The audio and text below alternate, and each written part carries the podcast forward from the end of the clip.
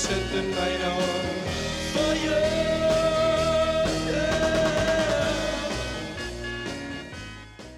Eldra fólk sem býr enn heima og er rest getur svara fyrir sig og gert kröfur. En hvað með þá sem eru með sjúkdóma sem rænað á þreki og getunni til að tjá sig? Eru það fjölskyldur þeirra sem eiga að taka slægin? Eða getur við gert þá kröfu á kerfið að það sinni okkar viðkvæmast á hópi? Miðað við höfðatölu eru fleiri hjúkurunarými á Íslandi en í nágrannarlöndunum. Samt setur fólk fast á sérgræna sjúkurhósum þar sem ekki finnst pláss fyrir það á hjúkurunaheimilum. Þegar eldra fólk heldur eigið heimili hefur það fullan aðganga fjárasast og ríkisins við livjakaup en missir þann beina rétt við flutning á hjúkurunaheimili. Heimili þar sem meðalaldurinn hækkar og hækkar og hrumleiki íbúa eikst ár frá ári.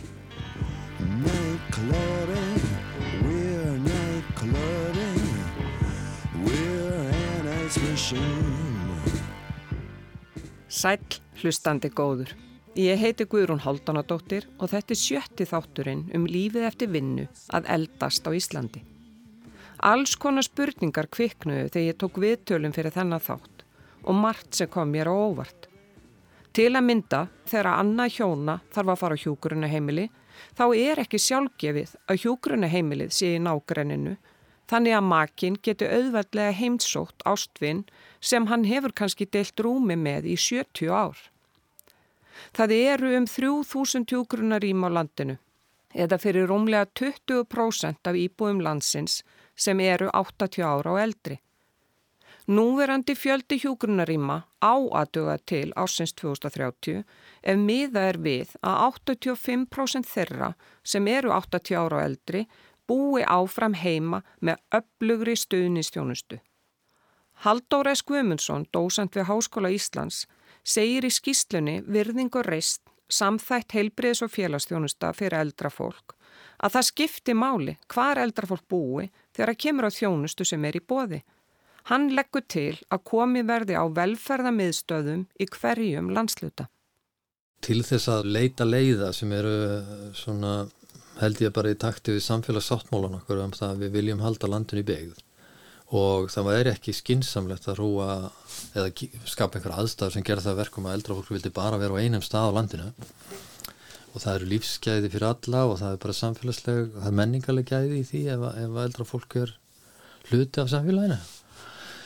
Þá eh, fór ég bara í það sem að er svona lógíst sko að, að það verði á hverju landsvæði. Nú erum við með fjórðunga og jáfnvel einhver landsluta við verðum svolítið held ég að fara að stíga saman á hverju svæði um það hvernig við ætlum að hafa þjónustun og hvað þjónusta verður í hverju byggðalagi og hvernig hún verður veikt því að við höfum líka eftir allan þann kapla að taka inn velferðartæknina inn í okkar þjónustukerfi og, og það er því svona sagt, samnefnar í félags- og helbreyðsjónustu á svæðinu, á Vesturlandi, Vestfjörðum kemi sem bara saman af það hvernig það er ætla að byggja upp. Það er að segja samfélag þarf að móta sína sín um það hvernig þeir vilja gera þetta. Vitandi það, þeir muni ekki geta gert allt. Haldur leggur til í skýslunni að hjúgrunarýmum verði fækkað og áhæslan færð á heimaþjónustu. Já, ég lefði mér að fara svo lánt í þessum útreikningum að því að bara ef maður horfið til þess sem er að gerast hjá öðrum þjóðum að þá er áherslan á opna þjónustu, á heima þjónustu, sjúgrásið heim, hilsugjastlan heim, hjúgrunaheimli heim, heima þjónusta heim og dagþjálfun, þú ferð þangað, ferði þjálfun og endur einhvers og ertu heima og sefur heima og dvelur heima. Ef ég tek bara míða því sem aðrir er að gera, alveg saman hvort það eru danir eða finnar eins og ég nefni í skýslinni, þá eru við komin með fleiri hjúgrunarými heldur en þeir mundu vera með hjá sér. Og það munar verulugu og það var með þessum hætti sem ég vildi ávarpa þetta þetta snýst ekki um peninga. Þetta snýst um forgámsröðan þetta snýst um hvert við viljum fara hvaða þjónustu viljum eða þegar við þurfum á því að halda eða hvers konar samfélag við bjóðum upp á.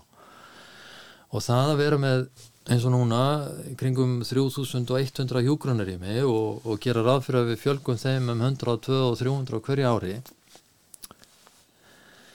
Á meðan að mínir útreikningar sína að við gætum vantanlega komist af með í kringum 2000 þá hlýtur að vera til inn í myndinni að við séum eigum möguleika til þess að nýta fjármenninu okkur öðruvísi. Og það er í raun og veru svo það ákall sem að ég er að reyna að varpa fram í þessari samantakt þegar ég er að aðlaga hugmyndir saminuðu þjóðana inn í íslenska veruleika þá erum við, við erum komin ofur langt í stopnanavæðingunni við þurfum að fara núna í ættingja, heimilis og fjölskylduvæðingu. Já, þannig að gera fólki bara kleift að búa sem lengst heima og Já. kannski bara allan tíman já, og það, það hlýtur að vera ódýrara þegar uppi staðið fyrir samfélagi.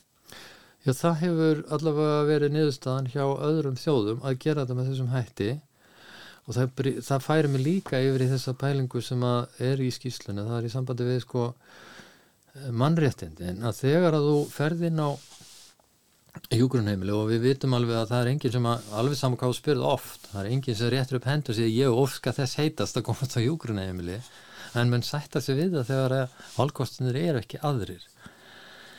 En þá hafa maður líka sagt, hvað er það á hjúgrunheimilónum sem er svona eins og við viljum hafa það og hvað er það sem er það ekki? Og við höfum heyrt umræðuna um til dæmis þegar að fólk með föllun þarf að fara inn á hjúgrunheimili vegna mikillar, umfangsmikillar þjónustu eða umönnunar, daglegur umönnunar að það sumir þeirra einstaklinga þeirra hafa útskrifað sér sjálfur og bara sagt ég læt ekki bjóða mér þetta og, og, og þá fyrir maður að velta fyrir sig hvað er það og þá er það svolítið þetta að ef ég er fatlaður þá fæ ég að búa í þjónustukjarna sem ég borga húsalegu og borga rafmagnið og hitan og og með einhverjum og kaupi matinn og, og ég fæ einhverja tiltegna útivist og félagslíf og ég fæ akstusþjónust og ég fer í apotekki og kaupi lifið mín og ég fæ hjálpatækjum frá sjúkratryggingum og þar fram til göttunum en þegar ég fer inn á hjúgrunheimili þá er ég ekki lengur fjárhanslega sjálfsta persóna. Að því marki að heimilið ber ábyrð á miklum og stórum þjónustum þáttum sem eru mér mikilvæg þannig að ég hef ekki sjálf dæmi um það. Ég hef á í takmarkuðu mæli val um það hvað ég fæ í matinn. Það er mjög einfalt að framlega matan og getur valið svolítið úr því. Ég hef kannski ekki áhrif á matseðilinn. Uh, ég hef ekki áhrif á það hvenar og hvort sem mikið ég fæ aðstof við böð eða þripnað ég hef ekki valkost á að fara í á tónleika ef ég þarf að fara á hjólastól. Það, er, það eru skerðingar í sambandi við ferl, ferlimálin og aðgengi að bara reyfanleikanum og ég er ekki að borga húsalegu eða ramagn og hitta og ég veit ekki alveg hvað peningandi fari í. Og fyrir mörgum Íslendingum eru þetta aldrei nýjar upplýsingar að það kostar ekki kringum 14,5 til 15 miljónir króna að vera á hjúgrunheimili á ári. Það er svona 11, 12, 1300 þúsund krónur á mánuð hvað geti ég gert mikið heima ef ég væri með þessa peninga heima hjá mér? Ok, ég geti verið með allavega einn mann í fullustarfi alla daga 8 tíma dags. En þá var ég þess að með lífeyristekjur. Þannig að ég hefur að halda því fram að það sé ein af skekkjónum fyrir því sem við búum við að vera með of, offrambóð af hjúgrunheimilum að liggi í því að við erum ekki þáttakandur í að reka það og það að hjúgrunheimilin sitja sem einhverju sérstakir baróttu aðilar fyrir því að tryggja það að fá meir og meiri fjármunni og þá erum við aftur komin í menningun og skotgrafahernaðin og meðli ríkis og stopnanana sem eru að framlega þessa þjónustu. En einstaklingurinn er ekkit inn í þessar umræð og það er bara skekkja. Berglind Magnúsdóttir, öldruna sálfræðingur, leiðir starf verkefnastjórnar sem vinnur að endurskoðun og þjónustu við eldra fólk. Berglind segir að dagdvöl getur verið gott úrræði fyrir þá sem enn búa heima en þurfa mikinn stöðning. Við sjáum fyrir okkur að, að þarna er rauninni sér svolítið svona þetta millistig, ef maður má orða þannig. Þannig að þeir sem að búa heima en þurfa kannski verulegan stuðning að þeir hafi greiðar aðgang inn í þessar dagdvalir en ekki bara það heldur líka að það sé kannski svona sveigalegri opnunatíminn og jafnvel að, þú getur í rauninni kannski verið yfir helgi e, þá e, heimili sem er tengt dagdvölinni. Og oft geta kvöldin verið erfið og bara það að fólk geti kannski verið til átta og fengi sérst kvöldmatt hressingu og fari svo heim getur skipt miklu máli þetta er kannski partur af þessu þegar við tölum um personum að þjónustu að við séum með svolítið svona hérna ólíka opnunatíma og í rauninni við getum svona aðstofa bæði hérna, einstaklingin sjálfan en líka fjölskylduna þannig að þetta er svona kannski það sem við erum líka að horfa til og verður vonandi eitthvað aðgerðir sem að verða tengdar akkurat þessu. Svo hægt sé að meta þörfuna fyrir þjónustu fyrir eldra fólk þarf að afla upplýsinga um hópin. Til þess eru nótu svo kollu ræð mælitæki sem veita upplýsingar um líðan og líkanlegt ástand viðkomandi. Pálmi Vaff Jónsson, öldrunalæknir og fyrirverandi yfirlæknir á landsbítalanum vill að mælitækin verði tekin í notkun hjá heilsugjæslinni. Þarna finnst mér að heilbyrjusræðundið þurfi eða ofinbyrja aðla þurfi að búa til stýrihóp til að vinna, vinna með gögnin. Það þarf að kenna á þessi matstæki þú ert að fá próf á þau eins og bílpróf nema það tekur ekki náma tvo daga fyrir fagfólk að fá það og læra það. Og þá er áraðanleiki á matinu. Mér finnst að það þurfi líka að vera öflugur tölfræðingur sem vinnur í raun tíma úr gögnum til að geta gefið til dæmis annars vegar hérna fólkinu á praxis, notafar upplýsingar til þess að vinna með, Þe líka þeim sem að stýra þjónust eins og hilsugjálfstöð eða félagsmiðstöð eða vinna saman í því. Þetta er útlítið í okkar hverfi eða okkar, okkar stjórnarnaspönn hérna er það sem við þurfum að gera og getum gert.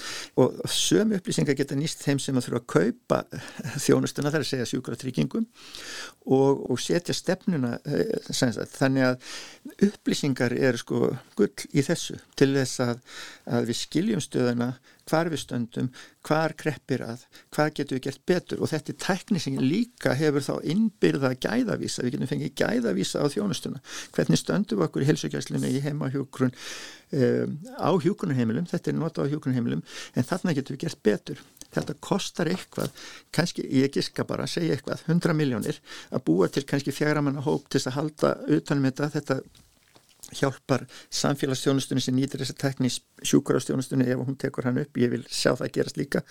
Og, og svo sömulegs á hjókunarheimilunum. Þetta eru 100 miljónir en, en hvað kostar til dæmis öldunarþjónustan? Ég, þetta breytist ár fyrir ári. 70 miljardar kannski bara svona e, þjónusta við langveika eins og það er kallað en svo, svo stór hlut á sjúkrastjónustunni líka eitt form á öldrunarþjónustu. Við erum að tala kannski um að öldrunarþjónustan kosti yfir 100 miljardar á ári og þá eru 100 miljónir bara vasapeningar ef svo maður segja. En, en í gegnum það er hægt að fá upplýsingar og, og þekkingu til þess að hanna kerfið í rauntíma og breyðast við þar sem, þar sem að þarf. I just don't know what to do with myself. Don't know just what to do with myself Olga Ástrún Stefansdóttir, fjölskyldur aðgjafi, segð okkur frá mistraprósverkefni sínu í fjórðaþætti og í dag ætlar hún að segja okkur frá rannsók sem hún vinnur að í doktorsnámi við háskóla í Noregi. Eins og í mistranáminu beinist rannsóknina eldri hjónum en í doktorsnáminu eru það hjón þar sem annað þarf að fara á hjúgrunna heimili vegna veikinda. Rannsóknarverkefni mitt snýst um það að þróa betri þverfaglega þjónustu fyrir eldra fólk og eldri hjón. Og þegar annað er að fær einhvers konar vitrana skerðingu, sem stundum líka að kalla heilabilun, þá fer ímislegt ferli í gang. Það er bara mjög, mjög margt sem að gerist þar. Og í þessari rannsókn minni, þetta eru gögn sem, sem eru bæði frá Íslandi og Noregi er 25 viðtöl við þann maka sem býr heima. Og þetta er allt saman hjón í þeim aðstæðum að, að makið þeirra hefur orðið veikur eða glýmir við vitranskerðingu og hefur þurft að flytja á hjókunarheimili og það er svolítið reynda misjamt sko hversu lengi uh, makinu farið þangað og það er svolítið misjan kannski eftir hvort það er Ísland eða, eða Nóriður, það er meira kannski eins og í Nóriði það sem að þau eru að flakka svona fram og tilbaka, þau eru halva mánuð heima, þau eru halva mánuð á hjúkrunaheimili á meðan þau eru meira kannski bara að flytja hér á hjúkrunaheimili en þau eru ofta orðið mjög fullorðið þegar þau svo fara á endanum þangað. Er það þá þannig að í Nóriði að að þá fara bæði hjónin saman inn á hjúkurnaheimili og saman heim? Nei, alls ekki. Og ekki heldur hér. Og það er kannski e, þessi þáttur og það sem ég er svona aukvöld á hérna út úr þessar rannsókn er að við, ég svolítið að berjast fyrir að við komum að fót einhvers konar hjóna miðar í nálgun þegar við erum með hjón í þjónustu. Vegna þess að það er tölvist annar þáttur að vera með hjón eða sambúðar fólk heldur en að vera bara með einstaklinga Hjónin sem taka þátt í rannsókninni hafi verið gift lengi eða alltaf 70 ár. Samt er ekki sjálfgefið að fólk fá að vera saman síðustu æfárin. Ég hugsa sko vegna þess að lögin okkar allavega í Íslandi og ég er svona að kynna mér þau líka úti, það er mísjamt eftir Norðurlöndunum hvernig þau eru en, en lögin okkar í Íslandi þau bjóða ekki upp á að hjón geti farið flutt saman á hjókunarheimili og vissulega eru að, hérna Eh, einstaklingar í þessari rannsók sem að þáttakandur sem að vildu fá að flytja með makanum. Og ef þú vilt það þá þarfst eiginlega að semja sérstaklega um það. Og þá er alls konar hvaði sem fylgja því. Þú getur ekki verið þar eftir að makiðin kannski deyr.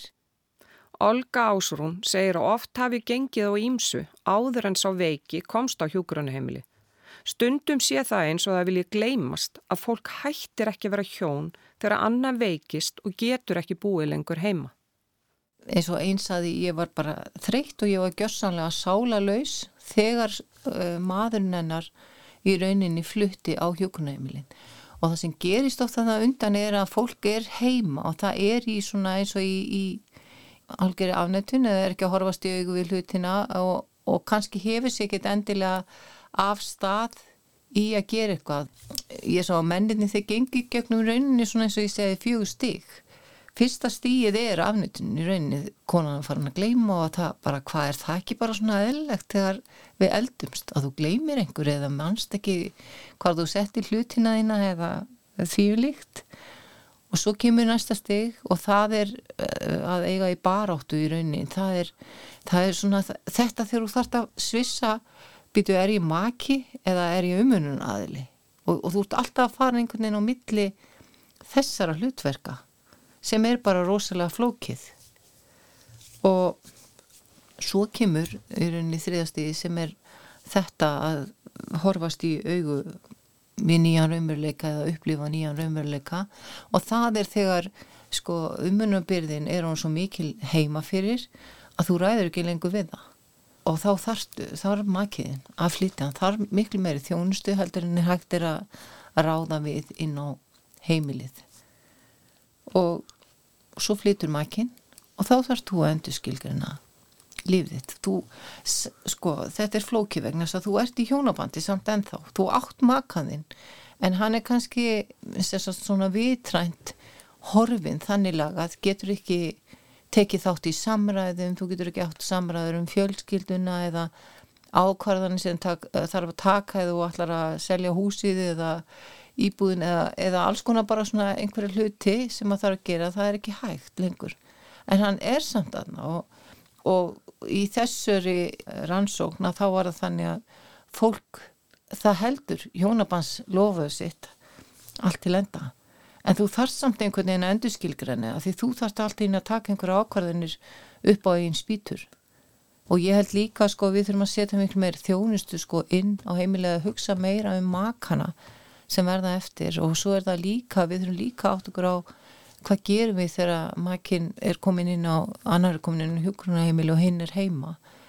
Er snýst þá bara þjónustan um þennan sem að sem að er á hjókunaheimilinu og hvað með hinn? Það sem er sorglegt líka að sjá kannski í niðurstónum er það að makarnir ekki alltaf að upplifa sig velkomna á hjókunarheimilin til að heimsækja makarn sína til að dvelja með þeim og það er, þau látnir heyra það að þeir eigi bara verið á herbeggi og, og, og ekkert að taka plási í einhvern samveilu við rýmum og þannig að stundum er þetta þannig að það er svona eins og stafsfólki bara svolítið takki yfir og við fyrir mjög einhverja forraðishyggju og svona erum að ákveða hvað sé best að gera.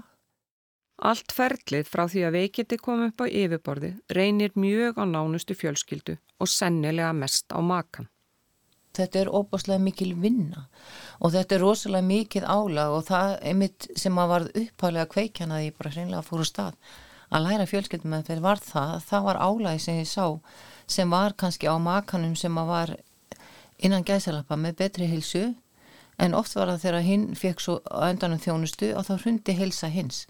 Og það er líka þáttu sem að, veist, eh, talandum forvarnir að maður komi einhvern veginn meira inn í og oft er þetta líka bara það að fá þennan tilfinningarlega og sálræna stuðling að, að geta deilti reynslu sinni líka með einhvern veginn öðrum að finna að þú ert ekki, stendur ekki einn eða einn og líka að geta fengið frí frá umhverjum hlutverkinu.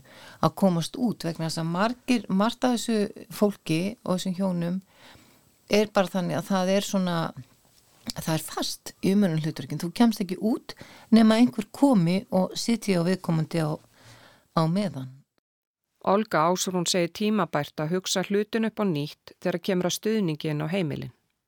Þegar við erum að setja þjónustu inn á heimilin, hvernig er svo þjónusta? Er hún hún einstaklingsmið, er hún hjónameðið að fólk er ofta að upplifa sig bara svona eins og þriðja aðilan í herbygginu, það er komið inn makinu þjónastar og það er jáfnvel ekki yrst á þig og það er jáfnvel ekki þú ert ekki spurð eða spurður en, en þú ert sérfræðingurinn í rauninni þörfu maka eins og ert meðan allan sólarhingin í rauninni og það er líka það sem þau vilja þau vilja fá að hafa eitthvað að segja um þjónstuna og vilja fá að taka þátt Staðan verður enn floknari ef um er að ræða hjónaband nummið tvö hjá hjónum sem eiga börn af fyrri hjónaböndum.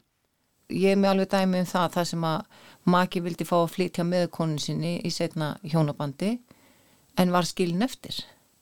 Og hann var einhvern veginn svona berjast fyrir því að bæði er ná áhært sko ættingjana eða sem sagt börnana konin sinna vegna þess að börnin hans, eh, hann átti fjögur börn og þau ættu bæði sem sagt fjögubörna fyrir hjónabandi og bæði voru búin að missa tvö börnunum hans börn sem hann átt eftir byggu ellendis og flestir hans ættingar hann, hann var ekki með henni stuðnísnett en börnin konuna voru nær og voru, voru hér en fókusin einhvern veginn fór á hann og hann var eftir og hann var búin að berjast í hvaða áttjá mánuði við að fá að flytja með konin sin og fá að vera nálg konin sin þetta maður sem er 91 á skamall og þú veist það var eini tilgangurinn hans og hann var eitthvað svo einn og náði aldrei áhörn bara hverju sem vildi heyra þú veist sem stýri þjónustinni hjúkrunafólki ættingjum eða, eða ættingjum konuna sinnar eða hvað þannig að þetta, þetta, mjög, þetta er mjög svona sorglegt dæmi.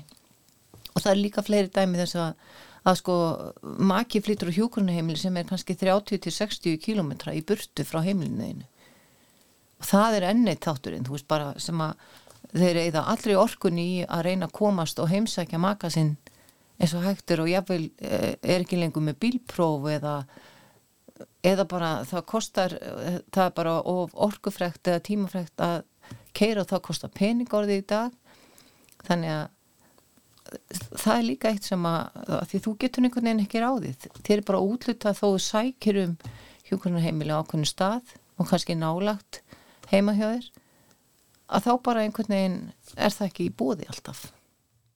Kona sem Olga Ásúrún rætti við á mann með heilabilun. Þegar hann fekk stöðningin á heimilið, hjælt konan að hún geti kannski fengið smá svigrum til að hugsa um sjálfa sig.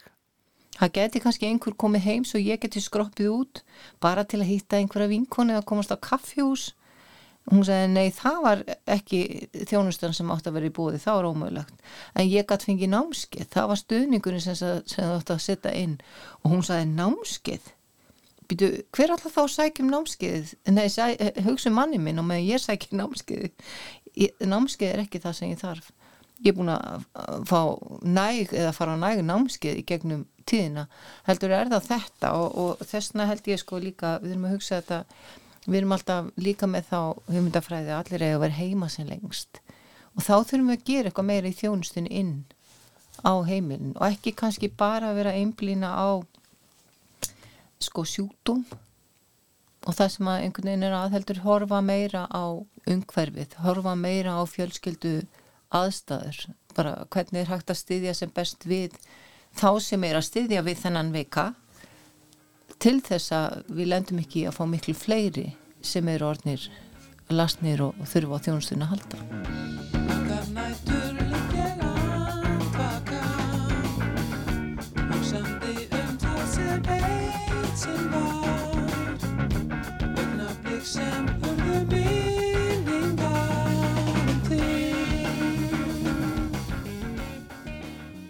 Ardís Valgarsdóttir Sálfræðingur segir að sem betur fer geti margi búið heima þrátt fyrir háan aldur. Á sama tíma eru inntökuskilir á hjúgruna heimilum að hennamati ströng.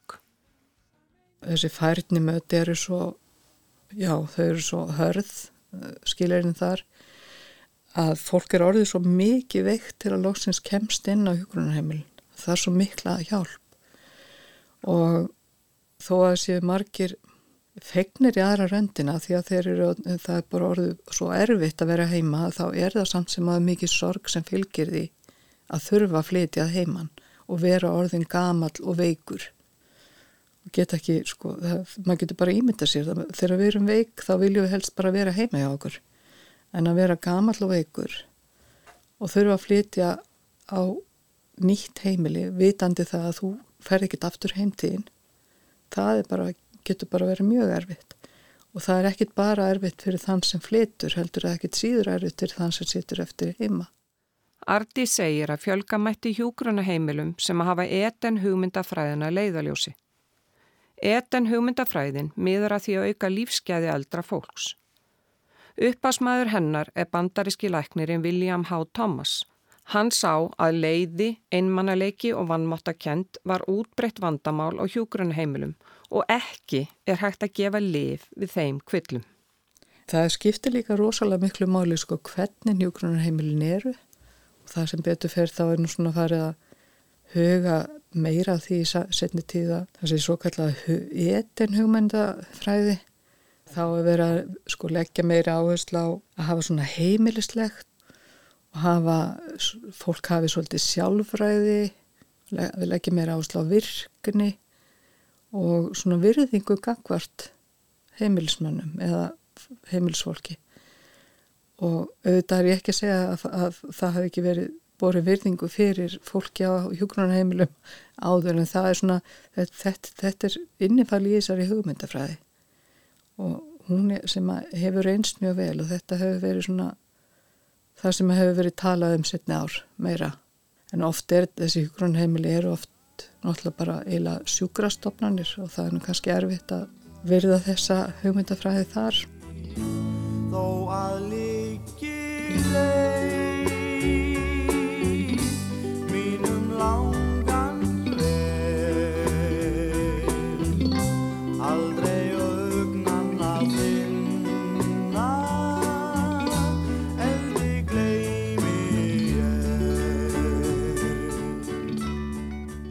Móðir Ingiberga Rósu Björsdóttur er með Alzheimer sjúdómin og býr á hjúgrunheimili.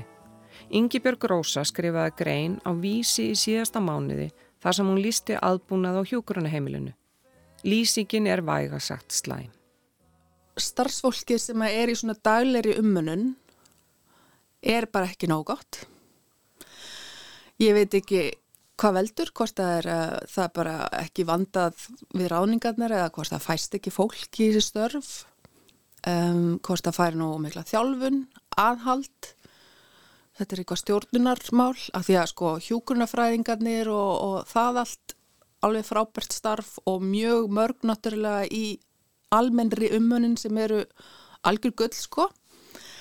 En þá líka hallar maður sér svolítið mikið upp á þeim en svo eru önnur þarna sem virðast bara ekki skilja hvað svona fólk þarf og alveg eins og fólk vill, fyrir börni sína að þau fái almennilega ummunun og fái ástúð og hlýju og, og örfun að þá þurfa aldraðir og, og sjúkir það líka. Ingibjörg Rósa bendir á að fólk með heilabilun eigi erfitt með að kvarta undan því hvernig þeim er synd. Og mamma mín getur ekkert kvartað, það eru við aðstæðinir sem erum að kvarta, hún er fann að tjá sig mjög lítið og, og það er líka eitthvað sem að sko þú veist, auðvitað er, er fyllt af öldruðu fólki í þjónustu íbúðum eða á allir heimilum sem að hérna, geta alveg látið í sér heyra og, og, er, og þau eru með reyfingu, sína eigin hérna, reyfingu og eru döglega að láta vita af þessu. En það er þetta fólk sem getur ekki eða treystir sér ekki til þess og þá verður við hérna að standa vaktina.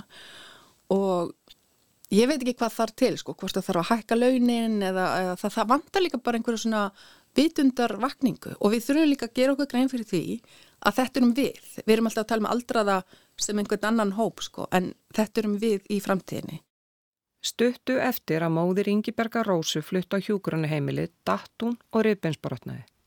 Þegar að sýstir Ingiberga Rósu kemur til hann að þremu dögum síðar, sér hún starfsmann toga móðu þeirra upp úr stól. Hún bendi því starfsmanninum á aðeins þrýr dagar séu frá því hún brotnaði. Þú manst að hún er rifbensbrotin og þá leita hann á hana og sagði, ha, guð minn góður, ég var að baða hana í morgun og ég hafði ekki hugmyndum að vera rifbensbrotin. Þú veist, af hverju mætir starfsmæður og hann sem er kannski búin að vera helgafrí og veit ekki að, eða kynir sér ekki hvað er búið að gerast um helgina og það er eins og að vanti eitthvað svona já, samskipti millir vakta að fólk bara tekja á hvað er að. Þegar hún var búin að vera þarna í nokkra vikur þegar að við vorum, við vorum náttúrulega heimsækjum hana mjög mikið og hérna okkur var náttúrulega andum að það væri hugsa almennilega um hana þannig að það var svona kannski pínu óþálandi en maður verður bara að vera það. Og þá vorum við að tala við einhvern starfsmann sem að segja já, er hún með Alzheimer? Þú veist það eru 11 skjólstæðingar á hverju deilt starfsfólki á að vita og kynna sér hvað er, hvað er að hverjum og einum. Það er ekkit allir heilabilaður en á þessu deild, það er ekki allir með sömu heilabilin, þau sem eru eh, heilabilin. Þannig að við endum á sjálfast prenta út og plasta upplýsingar um mömmu og, og það gerðist trekki, trekki, trekki, trekk og við komum hana, hún var klætt en ekki vel klætt, hún var ekki í brjóstahaldara til dæmis, gamlar fullortna konur vilja verið í brjóstahaldara og hérna það er bara sjálfsagt að konur séu klættar í brjóstahaldara þegar geta það ekki sjálfar. Hún var oft í, og er ennþá, í fötum sem hún búin að vera í 2-3 daga og fólk á þessu stíi er að missa niður mat og drikk og, og jafnvel kemur það í buksurnar því að þau eru með blegjur og það kannski leggur eitthvað út fyrir. Það bara, ég, ég skil ekki þessa að fatt ekki að þú veist e, þegar þú ferð í sturtu eða þegar þú vaknar á mótni þá ferðu vendilega í hrein fött af hverju er ekki hægt að tegja sig í fattarskapin, inn í fattarskapin í reynfött á mömmu mína? Ekki alltaf að taka föttin sem hún var klætt úr kvöldi áður. Ekki alltaf verða að greiða hárið busta tennurnar passa upp á vökun. Það er mjög mikilvægt að aldra fólk og, og sérstaklega heilabilið að sé það sé passaðu drekki vegna þess að þau missa þorsta tilfinninguna og hérna og þau segja oft sko þessi nýbúin að borða, nýbúin að drekka og maður þarf svona að taka mátulega mikið mark á því og, og hvetja þau bara á jákaðan hátt til þess að, að drekka og, og við erum alltaf að passa upp á það. Og það grátlega er að á þessu tímabili líka hefur það gerst að mamma mín fekk raunglif og það á ekki að geta gerst en, en auðvitað gerist það ef, ef þú ert með starfsfólk að gefa kvöldmatt og gefa kvöldlifin og þau kannski þekk ekki allt fólkið og og þá það kannski sagt hérna að sigga á að fá þetta lif og, og þú er eftir rángri mannesku, reynilega því þú veist ekki alveg hver sigga er, skilju, e, annars veit ég ekkert hvernig þetta gerðist. En, en þetta var þess að þetta betur fyrir og ekkert hættulegt þannig séð að hérna, hefði getið verið að verra, þetta var ekki þannig lif en auðvitað þurfti að skóla því út bara sem fyrst, þannig að það var seti við og henni hún var látið að drekka nokkur vasklös og þegar við komum og, og hittum á hana þá var búið að gefa henni sex vasklus á tveim tímum sem var bara frábært hún hefur bara ekki verið sprækari frá því hún fór að inn. Og þá sáum við bara hvað skiptir miklu máli að hérna, hún fái nægilega vökun að því að þú tapar niður svo miklu bæði bara, hún spjallaði meira hún hreift sig meira, hún var styrkari og já, ég á ekki orði verða stundum Yngibjörg Rósa og sískinni hennar voru allsæl þegar móðið þeirra komst inn á þetta hjúgrunnuheimili enda hefði glæsilegasta og ólíkt því þegar hún fór í kvíldarinnlögn annar staðar nokkuru áður. Bara aðbúnaður, þar var aðbúnaður eins og slæmur, þess að um, húsgögn og, og svona dimmirgangar og, og bara ekkert heimilislegt og henni leiði ekki vel þar og var einmitt sett í tvíbili þar um, sem að ég og þú sko ég menna ef við erum að fara til útlanda þá erum við ekkert að fara að gista á hótelherbyrgi með einhverjum öðrum veist, þannig að við viljum það ekkert í ellinni heldur. Þannig að við vorum mjög ósett við það en þannig að við vorum þeimun ánæðri þegar, þegar hún komst inn á þetta. Fallegu staður, fallegt útsýni út um glöggan góð húsgögn og góð aðstæða fyrir okkur til að vera hjá henni. Og einmitt kannski þess vegna sækjum við svolítið mikið í að vera hjá henni vegna þess að við treystum í raunin ekki fólkinu sem er í daglegri umunum fyrir að hugsa nógu vel um hana. Ég meina við erum að koma hana í heimsög kannski klukkan fjögur. Það er kaffitími klukkan hálf þrjú þrjú. Hún situr ennþá við með mataborðið út ötuð eftir að hafa mist niður á sér mat. Jafnvel farin að dotta í stólunum og það situr starfsmæður bara skamt frá og er ekkert að spá í þetta. Hún er slæm í baki en ég finnst það ekki þægilegt að sitja í stól við erum alltaf að segja sömu hlutina aftur og aftur og aftur Þetta er ekki hægt að segja að hún fá að eldast með reist. Nei, alls ekki. Það er engin reist í því að hérna þegar að koma gæsti til hennar að hún sé með sultu og djús niður eftir peysunni og buksunum og andfúl og illa áttu það því að hún hefur ekki fengið að drekka. Kostnaður við rekstur hjúkunarímis er um 15 miljónu króna á ári án þess að gert sér áð fyrir byggingarkostnaði. Gilvi Magnússon, profesor við Háskóla Íslands, var formaður verkefnastjórnar sem hann skýslu fyrir heilbreyðisráþurra í fyrra þar sem rekstra kostnaður hjúkuruna heimila var skoðaður. Eitt af því sem kemur fram í skýslunni er ólíku stuðningu frá ríkinu. Samfélagið þetta hefur tekið ákvörunum að greiða niður kostnað við heilbreyðistjónustu að veruleguleiti En fyrirkomulagið varðandi þá neðugræslu til aldraðara er mjög mismunandi eftir hvort þeir eru að halda einn heimili eða eru á hjókunarheimili.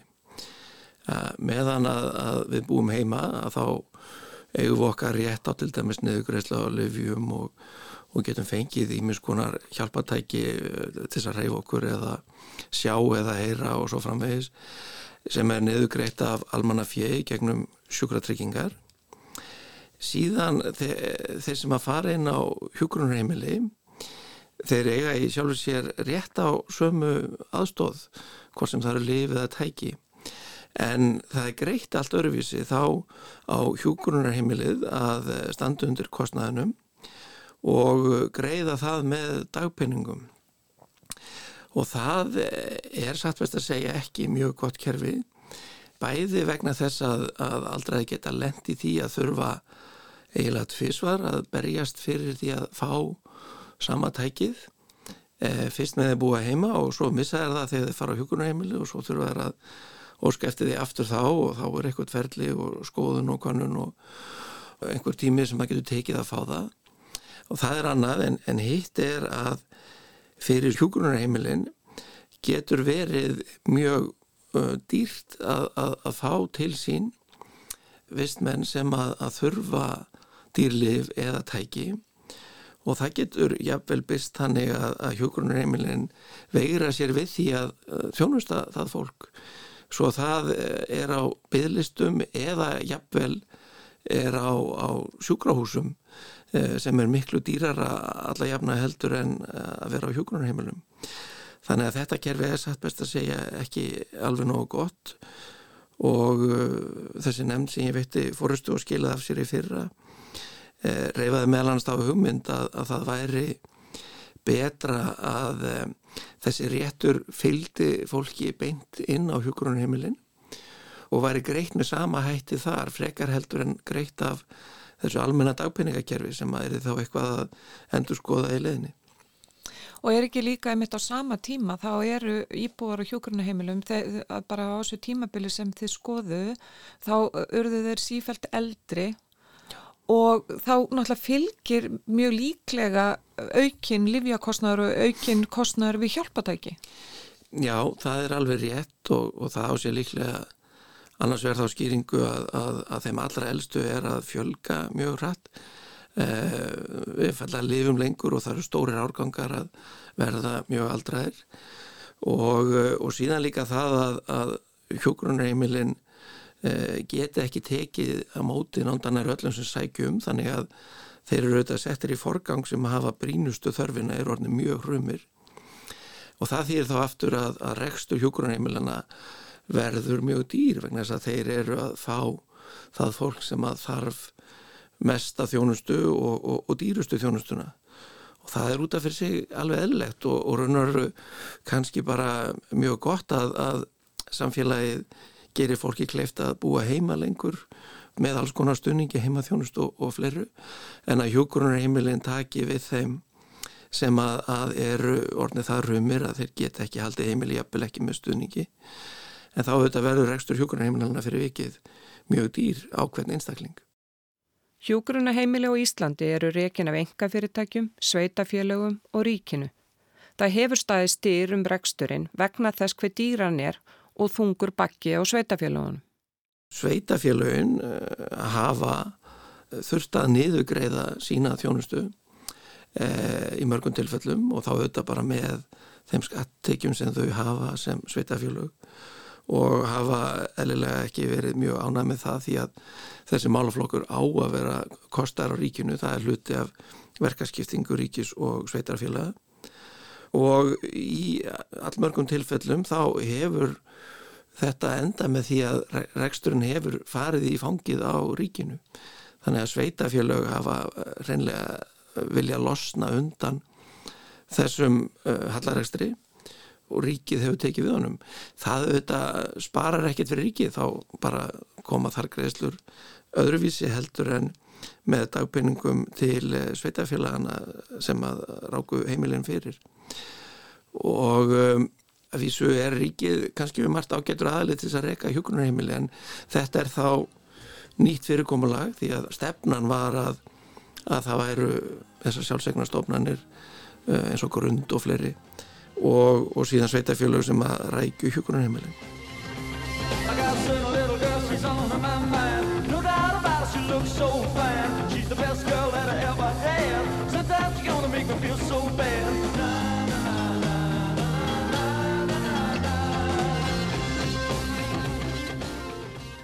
Anna Björg Jónsdóttir, yfirleiknir öldrunadeilda landsbítalans, segir allt kerfið sem kemur að þjónustu við eldra fólk þurfa að vinna saman hvort sem það er heilbriðis eða félagstjónustan. Landsbytalan er einn liður í þessari keðju og það er ekkert lindamála, það hefur verið þungt. Af hverju? Miljón dólar spurning, örgla margar ástæður. Ég hugsa ein ástæðan sé að aðflæðið er að aukast. Það eru fleiri sem þurfa á spítalanum að halda og það er öruglega að hluta til vegna þess að það eru fleiri aldraðir það er hluti til vegna þess að fólk er bara veikara og þá áða að koma á spítalan að því spítalin er fyrir fólk sem er veikt og þarf á spítalinum að halda. En að það er mjög mikilvægt að maður átti sig á því. Svo er það hinn endin ef maður getur orðað sem svo að því að eins og ég segi landsbytalinn bara hluta keðjunni og hluti, hluti í þessu flæði e, að þeir sem fóru út og þar eru þeir sem taka við einhvers konar, e, það er einhver stoppir þar, það er einhver, einhver hindrun þar Er það að því að vanta fleiri hjúkunaheimili? Ég veit ekki. Við erum með fullt á hjúkunaheimilum og þeim, þeim hefur fjölgað. Er það vegna þess að heimahjúgrun tekur ekki við? Úrræðin er ekki þar. Mögulega við erum að eigða miklu minna í heimahjúgrun heldur en allir í kringum okkur, öll landin í kringum okkur ég er ekki að segja að fólki sem starfar í heimihjókun sé ekki að vinna vinnu sína núna, þau eru bara að fá. Það er ekki vegna þess að fólk sé að vinna vonda vinnu, bara alls ekki. Þetta er allir að gera sitt allra ítrasta en þau eru bara að fá, það þarf fleiri þar. Það þarf fleiri úrræði, svona dagúrræði endurhæfingu, dagþjálfun. Og þar finnst mér að við mættum aðeins vera dugleira að hugsa í lausnum bara svona sem samfélag, þá eru við komið líka út í svolítið þetta félagslega sem að skipti rosalega miklu máli og svona einhvern veginn að virkja öll þessi félagsamtök sem eru til á Íslandi, virkja íþróttafélagin við, við einhvern veginn, okkur vandar svolítið svona að hugsa í lustnum þar eða, eða svona einhvern veginn að fara út fyrir bóksið og, og sjá hvað við getum gert og það, þetta þarf svolítið að gerast á í svona nærumkörunu og fólk segir. Sumuleiti er við betra að gera þetta sko út á landi einhvern veginn þá hugsar fólk að vinna betur saman svona í nærumhverfunu einhvern veginn, maður orða það en þessi hluti ganga oft betur þar Anna Björg segir að þar sem sveitafjölun og höfuborgarsvæðinu hafi ekki geta komið sér saman um þjónustu við eldra fólk, svona eins og er gert með strætó, geti það reynst þrautið þingri að aðstofa fólk sem er að útskrefast á sjúkrahúsi. Það er stort flækjustig út frá okkar bæðirum sem störfum í heilbrískerfinu. Þá myndi sko eitt sveitafélag á höfbruksæðinu bara auðveld okkar líf alveg gigatist. Ég, skal, veist, ég veit þetta er hápóltist en, en það myndi auðveld okkar lífa því þá þurftum við bara að hafa samband við einn aðeila í staði fyrir að, að eins og staðan er núna við þurfum að kunna svona tíu símanúmer þú veist, til þess að vita og þú þarf virkilega að vera svona góður í að navigera kerfið til þess að geta fundið út úr þessu á höfuborgarsvæðinu við erum opbúslega hamingsum ef að við þurftum bara ekki, ef þú á í einn aðila sko, það væri eitthvað svona já, ég veit ekki hvað menn vilja kalla það. Það mætti leysa það með því að geta alltaf einu sveitufélagi en það mætti líka leysa það með því að hafa bara eitt sameilegt port inn. Þannig að auðvitað er alveg hægt. Og það, þú veist, þetta er bara spurningum að menn, ég veit ekki, spurningum vilja eða ég, allavega út frá okkar bæturum sér þá er þetta rosalega flókið og erfitt og ég held að þetta sé líka flókið og erfitt út frá bæturum notandans, út frá bæturum skjólstæðingana, út frá bæturum aðstandanda, þá er þetta rosa flókið. Þetta þarf heldur ekki að kosta svo rosa mikið að laga þetta. Nei og þetta í rauninni myndi þá uh, sko ef að væri samstarf þarna á milli að það myndi líka jafna rétt að fólk sem að býra á höfuborgarsæðinu að það gengur að sömu þjónustu vísri. Já. Það, er ekki gera. þannig í dag. Nei, það er það ekki því miður sko. Það gerur okkur lífið opbáslega erfitt sem erum hérna að reyna að veita þjónustuna eða kannski ekki að veita þjónustuna erum að reyna eins og spítalinn er að reyna að koma því í kring að fólki fái þjónustuna. Það er svolítið það sem við erum ofta að gera. Þegar við erum að útskrifa fólk þá erum við að sækja um fullt af þjónustu fyrir fólk og það er oft gríðarlega flókið. Meiri sem fyrir okkur og eins og segir, það er ekki sama þjónustan í öllum sveitafélögjum. Það er rosa erfitt og það er rosa erfitt að sitja fyrir framann einhvern og, og vera næstu í svona, ah, þú ætti kannski bara að flytja. Af því að við vitum að þjónustan er betri þú veist hinum megin við hérna sveitafélagsmörkin og það er svolítið svona leðilegt að þurfa að vera þar. Að, menna, við eigum ekki að þurfa að vera að segja fólki það eða ráðleggja fólki að breytum heimilisfang, það er, finnst mér ekki vera mitt hlutverk sko. En það, en það er einstakar sinnum þannig að maður segir ah, þú veist, heldur þú ætti kannski bara að færa þig Þetta lítur að vera erfi staða sem þeir eru sett í. það er ekki gott sko en, en ég, ég hef viðkjörn alveg, ég hef einstakar sinnum sagt við fólk, sérstaklega við aðstandendur þú veist, ef það væri mamma mín þá myndi ég flytja hana Anna Björg ítrekkar að þeir sem þurfi á aðstof bráðamóttöku að halda eigi aldrei að hika við að leita þanga og þar skiptir engum máli á hvaða aldrei fólk er. Það sem er gott við heimahjúgrun í Reykjavík er að, eða heima þjónustu Reykjavíkur er að þar er félagsþjónustan og he, heim, heimahjúgrun í, undir sama hatti og það er gríðalega gott að því það hefur leitað sér að, að góð samlegar áhrif þar. Það sem að vantar inn í það er svo tengslinn við heilsugjastluna Selma er að reyna að brúa það bil sem er bara gott og bara gleðilegt og ekkert, þú veist, ég get ekki sagt nógu mikið gott um það en hérna, það sem að vantar svo núna og ég held að við þurfum að þróa ánfram er í raun og veru tengst eins og við spítalan. Hvernig, hvernig gerum við þetta best þannig að þeir skjólstæðingar selmu uh, og sem, að þurfa svo á spítalat vel að halda eða aðkomi sérfræðingana Þa, það þarf einhvern veginn að gera það meira strömlinlagað og við erum ekki alveg komin þangað en það er í raun og veru næsta verkefni eins og ég sé þetta. Þetta gengur ljómandi vel hjá þeim varðandi tenginguna sko við heimahjúgrun og við heilsugjæsluna, það er allt hérna á réttri leið og svo er næsta skref í raun og veru varandi Selmu í Reykjavík að það er að tengja þetta við spítalan og svo er annað skref að búa til sambærilegt í öðrum sveitafélugum. Eldra fólk á ekki að vera fráflæðisvandi og það er eiginlega ömulegt að heyra ítrekka talað um að vegna þess að það situr fast á landspítalanum, anni bráðamóttakan ekki álæginu. Fólk jafnvel veigra sér við að leita að sér aðstóðar. Anna Björg segir að þurfi að hugsa öldruna þjónustu spítalans upp á nýtt, auka göngudelda þjónustu hennar og öldruna leknar þurfa að vera framar í keðjunni. Þetta þurfa að gera vegna þeirra breytinga sem er að verða á aldursamsetningu þjóðarinnar. Við þurfum að breyta því hvernig spítali hugsar. Það er ekki, þú veist, þetta gerist ekki á núleitni, þetta er svona 5-10 ára verkefni, þetta er, þetta þarf að gerast svona yfir tíma, en við verðum bara að fara þángað, af því að þetta eru sjúklingar framtíðarinnar. Þetta er ekki, þú veist, sjúklingar framtíðar en að verða ekki svona bara með eitthvað eitt vandamál. Þa, það er ekki þannig. Þannig að við eigum einhver kosta völana heldur en að breyti þessu. Byðlistar hafa ítrekka komið við sögu í þáttaröðunum lífið eftir vinnu.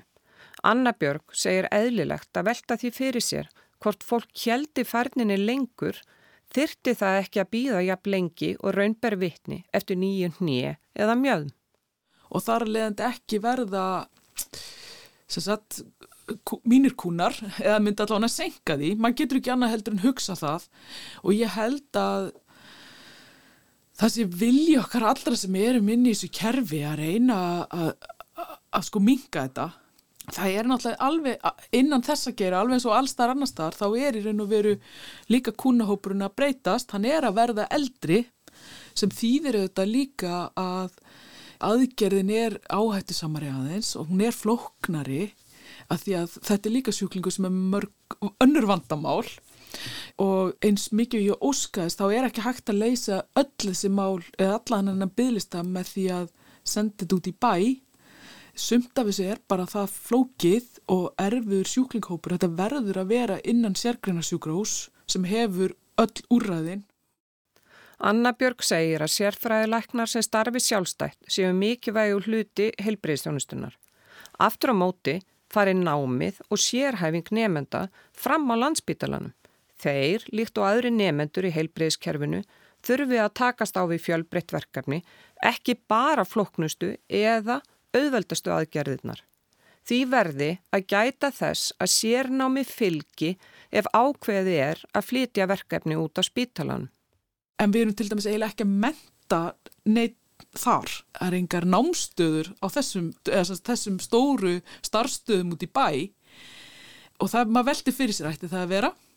Af því að það er verið að tala um líka að, að, að hérna, þurfa að menta fleira í heilbriðstarfsfólk sko. Ég veit ekki til þess að hjúkurnafræðingar eða sjúkraþjálfarar eða neini sé á, sé á námstöðum á þessum stóru stöðum út í bæ. Og allan ekki læknar. En kannski þurfum við að gera það ef við viljum menta fleiri. Ég meina, mér stað allavega með í skoða af því að þetta eru náttúrulega bara margar hverjar rúslega vel fungerandi starfstöðar og af hverju ættum við ekki að nýta þær líka sem námstöður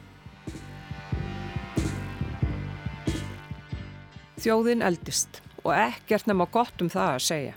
En það breytir ekki þeirri staðreind að við deyjum öll að lokum. Í næsta þætti um lífið eftir vinnu verða lífslokk um fjöllunarefni. Til að mynda andlátt maka og sorgin sem fylgir, vilji þess sem er döðvona og dánaraðstóð. Næsti þáttur er sjöundi og sá síðasti í þáttaröðunni lífið eftir vinnu að eldast á Íslandi. Veriði sæl.